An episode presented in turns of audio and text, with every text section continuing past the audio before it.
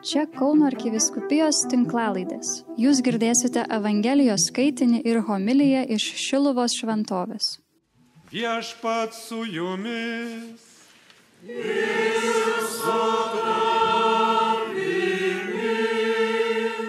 Pasiklausykite Šventojios Evangelijos pagal Luką.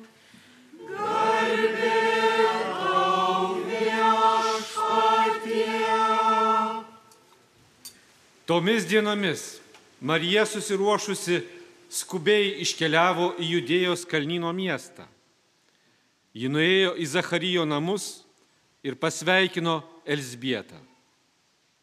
Vos tik Elsbieta išgirdo Marijos sveikinimą.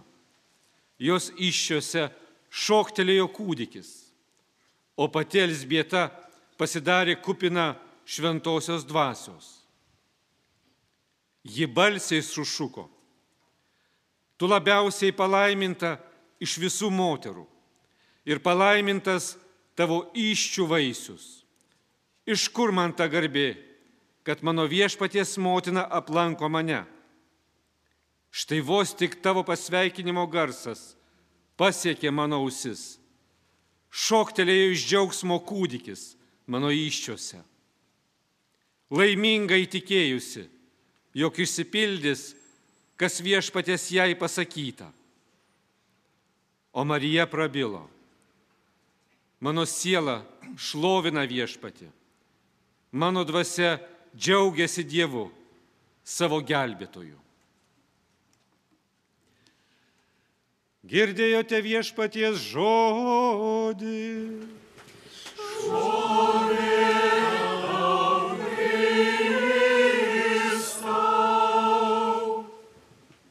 Šiandien šventasis rašto, švento rašto skaitiniai tiesiog galsuoja solidarumo nuotaiką. Tačiau ne visada solidarumas gali būti gerame. Štai liturginiai skaitiniai prasideda ne nuo gerų darbų konstatavimo, bet kaip moralistai pasakytų, nuo bendrininkavimo nuodėmiai fakto konstatavimo pirmajame skaitinėje girdime Dievo dialogą su pirmaisiais tėvais po jų nuopolio. Adomas bando teisintis, jog jis padarė netinkamą veiksmą, nes jį paskatino Jėva. Kitaip sakoma, bando perkelti solidariai nuodėmės naštą ant kito pečių. Ir ne tik. Jo žodžiuose girdimas slaptas priekaištas Dievui kad jis pasidalytų šią atsakomybės naštą. Moteris, kurią man priskyriai, padavė vaisių ir valgiau. Jis taip pasako tarsi mažas vaikas, kuris nesuprastų, ką jis pats daro. Maždaug Dieve, tu man davėjai pagalbininkę, o dabar pats ir žinokis, kad taip ir įvyko. Aš čia nekaltas. Moteris taip pat solidariai ieško naujo kaltininko kaip sakoma, bando paslėpti galus į vandenį. Ji nurodo angį, kuri ją sugundė. Tačiau paguodžia mūsų antrasis skaitinys, jog žmonijos solidarumas gali pasireikšti ne vien tik nuodėmėje, bet taip pat ir išganimo darbe. Kaip vieno žmogaus nusikaltimas visiems žmonėms užtraukė pasmerkimą, tai vieno teisus darbas visiems laimėjo nuteisinimą kad gyventų.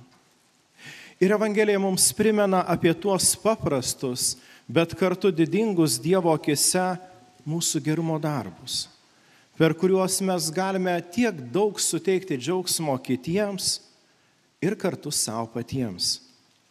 Mes girdime, kaip Marija skuba aplankyti savo giminaitę Elisbietą. Atrodo daug kartų girdėti tie žodžiai, bet jie kiekvieną kartą mums primena, kiek mes daug galime nuveikti per tą paprastą gerumo darbą. Atrodo, tiek nedaug tai reikia, kartais užtenka mūsų paprasto pasilavinimo, tiesiog pakalbinimo kito žmogaus ir kitas žmogus nusišypso. Atrodo, ką reiškia tas mažas ribos dubenėlis nuneštas maltiečių vargstančiam žmogui, bet jis kuria nuostabę solidarumo nuotaiką. Jis parodo tą rūpestį kitų, kurio galbūt niekas neplanko. Kiek daug mažų stebuklų gali išgirsti karito darbuotojai ir savanoriai, kai pas jūs ateina žmonės paprašyti pagalbos. Ir kai pažvelgi į karitatyvinių organizacijų visas veiklas, kiek nuostabių tarnyšių jūs atliekate. Sunku jas ir išvardinti. Reikia labai daug rankų pirštų. Ir prisipažinkime, juk dažnai pajuntame džiaugsmą širdyje, kai mes padarome kažką tokio kilnaus. Todėl esu be galo dėkingas visiems, kurie darote gerumo darbus. Esu dėkingas medikų ir slaugytojų bendruomeniai. Esu dėkingas jums, broliai, brangus, brangus broliai ir seseris, kurie atstovaujate įvairioms gerumo organizacijoms arba šiaip asmeniškai kuriate gerumo stebuklus savo aplinkoje. Esu dėkingas kapelionams, kurie susirinko kartu melsti su jumis, palaikyti jūs toje gyvenimo kelionėje, tose sunkiose veiklose, kad niekada nepristiktumėt drąsos, tvirtumo ir svarbiausia, kad turėtumėt sveikatos. Tačiau popiežius Pranciškus sako, jog mūsų pasaulyje yra vis dar daug vaikų pagyvenusių žmonių, moterų ir vyrų, kurių veidai net pažįstami kaip unikalūs ir nepakartojami, kurie lieka nematomi, nes yra paslėpti visuomenės abejingumo šešėlyje. Todėl kaip svarbu, brangus broliai ir seseris, ugdyti ir puoselėti žmogiškumo principą, leidžianti vis labiau pastebėti mūsų visuomeniai, toje pilkoje žmonių masėje konkrečius kenčiančius veidus, kurie gyvena visai šalia mūsų. Kaip svarbu politikams ne vien skaičiuoti bendro valstybės vidaus produkto pasiekimus, tą vadinamą BVP, ar sukurti naujas žalias erdves didmešių gatvėse, bet pastebėti tuos žmonės, kuriems reikia mūsų pagalbos ir mūsų dėmesio. Neįmanoma, nuoširdžiai darant gerus darbus, neužmėgsti tarp asmeninių santykių su vargšais. Ir kai popiežius Pranciškus sako, jog neturtingi ir ligoniai tai nėra skaičiai, tai yra konkretų žmonės su savo istorijomis, nusivylimais ir skausmais.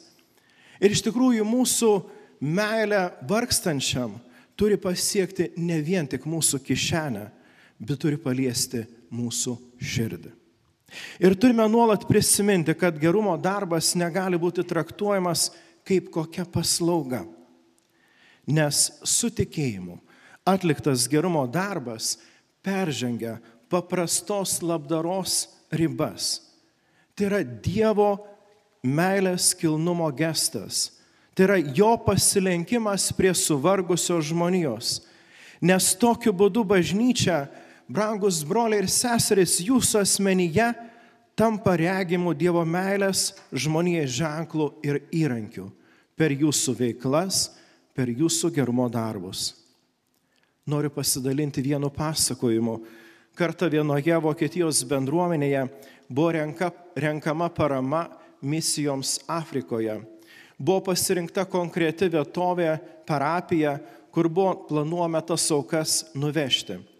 Svarbiausias dalykas, kuriuos pakavo į dėžes, buvo medikamentai naujai ligoniniai ir mokymo priemonės besimokantiems vaikams. Susirinkęs nemažas būrys parapiečių po pamaldų skyrė savo laiką, kad viskas būtų tvarkingai sudėliota į dėžes, paruoštas siuntimui. Ir staiga į parapijos namus atbėga vyriškis, kuris buvo pažadėjęs klebonui, kad būtinai ateis į pagalbą, bet tą dieną kaip tyčia teko užtrukti darbe, o namuose laukia jau kiti darbai. Į jo namus buvo atvežti nauji baldai, kuriuos norėjo vakare dar suspėti surinkti. Tačiau duotas pažadas klebonui ir jis visas suprakaitavęs dar skiria vieną valandą parapijoje, ruoždamas tas dėžes. Kadangi labai rasojo jam akiniai, Jis juos pasidėjo šalia vienos dėžės ir darbavosi be jų. Grįžęs namo, kai puolė rinkti baldus, pastebėjo, kad jis palikęs tuos akinius parapijoje, labai susinervino, kad šiandien jam taip niekas nesiseka. Nusprendė ryte nuvažiuoti iki parapijos namų ir juos pasiimti. Tačiau ryte nuvažiavus paaiškėjo, jog siunta jau išvežta į oro uostą siuntimų į Afriką. O ant stalo tų akinių niekas nematė. Todėl su sugadinta nuotaika vaikščio ir savo kartojo. Daugiau niekada neprisidėsiu prie panašių darbų. Geriau būčiau sėdėjęs ramiai namuose, nes mano akiniai tokie brangus, geros kokybės, o dabar toks nuostolis. Bet to reikės labai ilgai laukti, kol pagamins naujus akinius. Praeina savaitė. Tas žmogus sekmadienio mišiose sėdi bažnyčios suolė, visas rūškanas, vis dar negalėdamas atleisti savo, kad taip kvailai prarado tuos sakinius. Ir štai kunigas per skelbimus sako, jog siunta pasiekė tą parapiją ir jis gavo padėką iš to Afrikos kaimo, kur buvo ta siunta nusiusta. Tikintieji labai dėkoja jų parapijai už visas dovanas, bet kas keiščiausia, dėkoja už tuos puikius akinius, kuriuos rado vienoje iš dėžių. Pasirodo, tos Afrikos bendruomenės vyresnio amžiaus kunigas buvo kaip tik netyčia sudaužęs savo akinius ir be jų buvo labai jam sunku aukoti šventasias mišes tikintiesiems, o jų buvo labai sunku gauti. Ir jis nustebo tokia netikėta dovana, išpakuoja dėžę ir randa akinius, kurie būtent jam ir tiko. Įsivaizduokit, atitiko ir dioptrijos, viskas taip, kaip skirta specialiai jam. Ir klebonas, žinodamas, kad tuos sakinius palikęs tas žmogus buvo dėžėje, nueina prie to žmogaus, kuris krimtosi ir asmeniškai įteikia afrikiečių vaikų nupieštą didelį padėkos lapą su to kunigo nuotrauka. Visi tikintieji parapijoje atsistojo ir pradėjo ploti. Taip netikėtai surūgęs veidas persikeitė plačia šipsena. Ir tada tas žmogus suprato, jog mes niekada nežinome, kaip mūsų geri darbai, kuriuos mes padarome, kartais atrodo atsitiktinai, gali net patys to nesuvokdami, gali padaryti nuostabius dalykus. Kaip svarbu yra negailėti pastangų ir atsiduoti Dievo valiai, o Jis geriausiai žino, ko mums labiausiai reikia. Todėl, brangiai, noriu ir palinkėti mums visiems, kai darysite gerus darbus, visą laiką paklauskime viešpatį toje tyloje, ką dar galėčiau papildomai nunešti vargstančiam, kenčiančiam ar sergančiam žmogui. Ir nustepsite, kokių mums idėjų duos viešpats, o visa tai sutvirtins mūsų bendrystę ir kursta nuostabų žmogiškumo ryšį, kuris yra svarbiau už bet kokias materialias dovanas, kuris kuria mūsų tarpę žmonijos džiaugsmą, kuria tą Dievo meilės pasidalymo džiaugsmą. Ir labiausiai nustepstam žnybėje, ką mums viešpats yra paruošęs už tuos gerus darbus. O žinokit, jis mėgsta staigmenas. Taigi darydami gerus darbus pasistengime, kad juos, juos būtų įdėta kuo daugiau mūsų nuoširdžios meilės ir maldos už tuos, kurie priims tas mūsų dovanas, ar sriubos dubenėlį, ar tiesiog paprastą šypseną. Tada pamatysite, kaip viešpats apdovanos jūs pačius ir jūsų artimuosius gausiomis malonėmis. Negailėkime laiko darydami gerą, nes tai yra moneta, kurią galėsime atsiskaityti už savo netobulumus danguje, gailestingojo Dievo akivaizdoje. Dažnai žmonės dėjoja, jog dabar sunkus laikai, tačiau kaip turime neužmiršti vieno dalyko.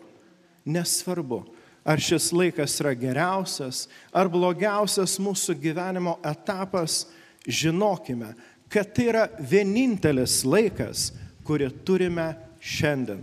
Tad stenkime jį panaudoti kuo tinkamiau. Leiskime, kad tas mūsų laikas taptų dovana tiek mums, tiek kitiems ir neštų džiaugsmą. Amen.